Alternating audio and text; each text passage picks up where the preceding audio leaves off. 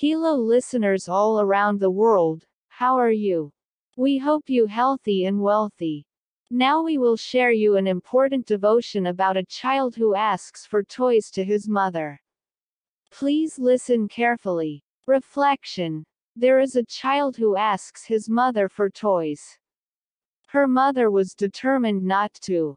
In how many times a day he asked tirelessly and his mother kept saying no. One day when he woke up and opened his eyes, the first sentence he said was, Am I, can you? That sentence really moved the mother's heart. He saw how his son missed the toy, until it was carried away by a dream, so that when the child woke up, that was the only sentence his son wanted to say.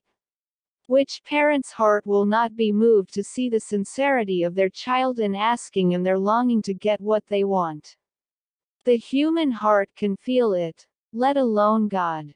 The term cry out day and night in the above passage used by Jesus does not only refer to the usage of the time, but Jesus is teaching us about perseverance in prayer. Praying day and night is praying continuously until God answers. We fill every corner of God's dwelling heaven with the echoes of our prayers. Jesus called it prayer asking, seeking and knocking. And it will not cease until it is given, received and the door is opened. David named it an eager prayer. Watch my cry for help, and I'm looking forward to it. However, Learning to wait before God is a lesson that is not easy in the journey of our Christian life.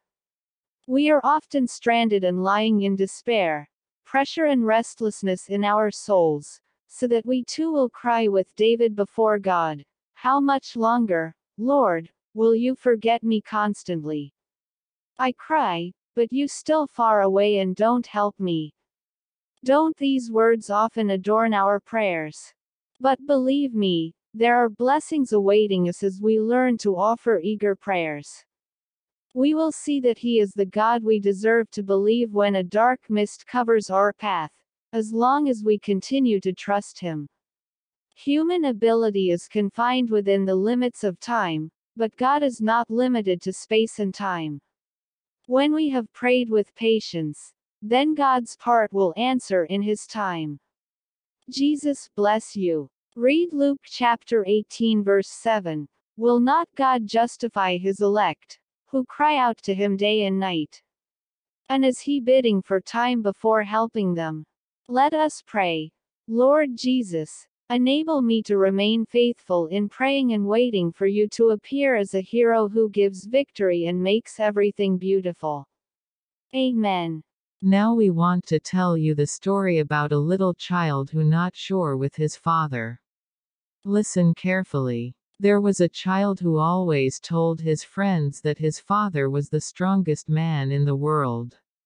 One day he climbed a tree in front of his house and without realizing it, he was already on a fairly high branch. When he looked down, fear enveloped his heart. Then she screamed, Daddy, help me. I'm scared and can't come down from this tree. Hearing his son scream, the father ran out of the house and saw his son hugging a fragile branch. Seeing that his son was in danger, the father said, Son, don't be afraid. Listen to the words of the father. Now slowly release your hand and jump down. Don't be afraid because dad will catch you. You will not get hurt because dad will catch you. His father tried to convince his son many times, but his son didn't want to jump because he thought, What if you don't catch me? I'll fall to the ground and die. Weeping, she shouted, No, I'm afraid that dad won't catch me. A few seconds later, a broken branch sounded and the child fell. Without realizing it, he was already in his father's arms. With a trembling body, he hugged his father and said, Yesterday, yesterday, I could only say to my friends that father is the strongest man in the world, but now I believe that you are the strongest man in the world. Don't we often act like that little kid? We are so fluent in telling others that the God we worship is an extraordinary God. But when we are faced with a problem, then we often hesitate with the extraordinariness of Allah to help us. Christianity is not just knowing that our God is a great God, but Christianity is the experience of living with that wonderful God. If we are followers of Christ, of course we can be sure that the God we know in Jesus Christ is willing to help us solve the problems we are facing. If we know God, then we are sure that through a problem, we will see His love and power at work in our lives. Never doubt God's ability, because He is a mighty God. Enjoy a wonderful experience with God through the problems that arise in our lives, so that we can say, In the past, I only heard about you, but now my own eyes are looking at you. Jesus bless you. Reading. Job 42. 5. They only say that I have heard of you, but now my own eyes are upon you.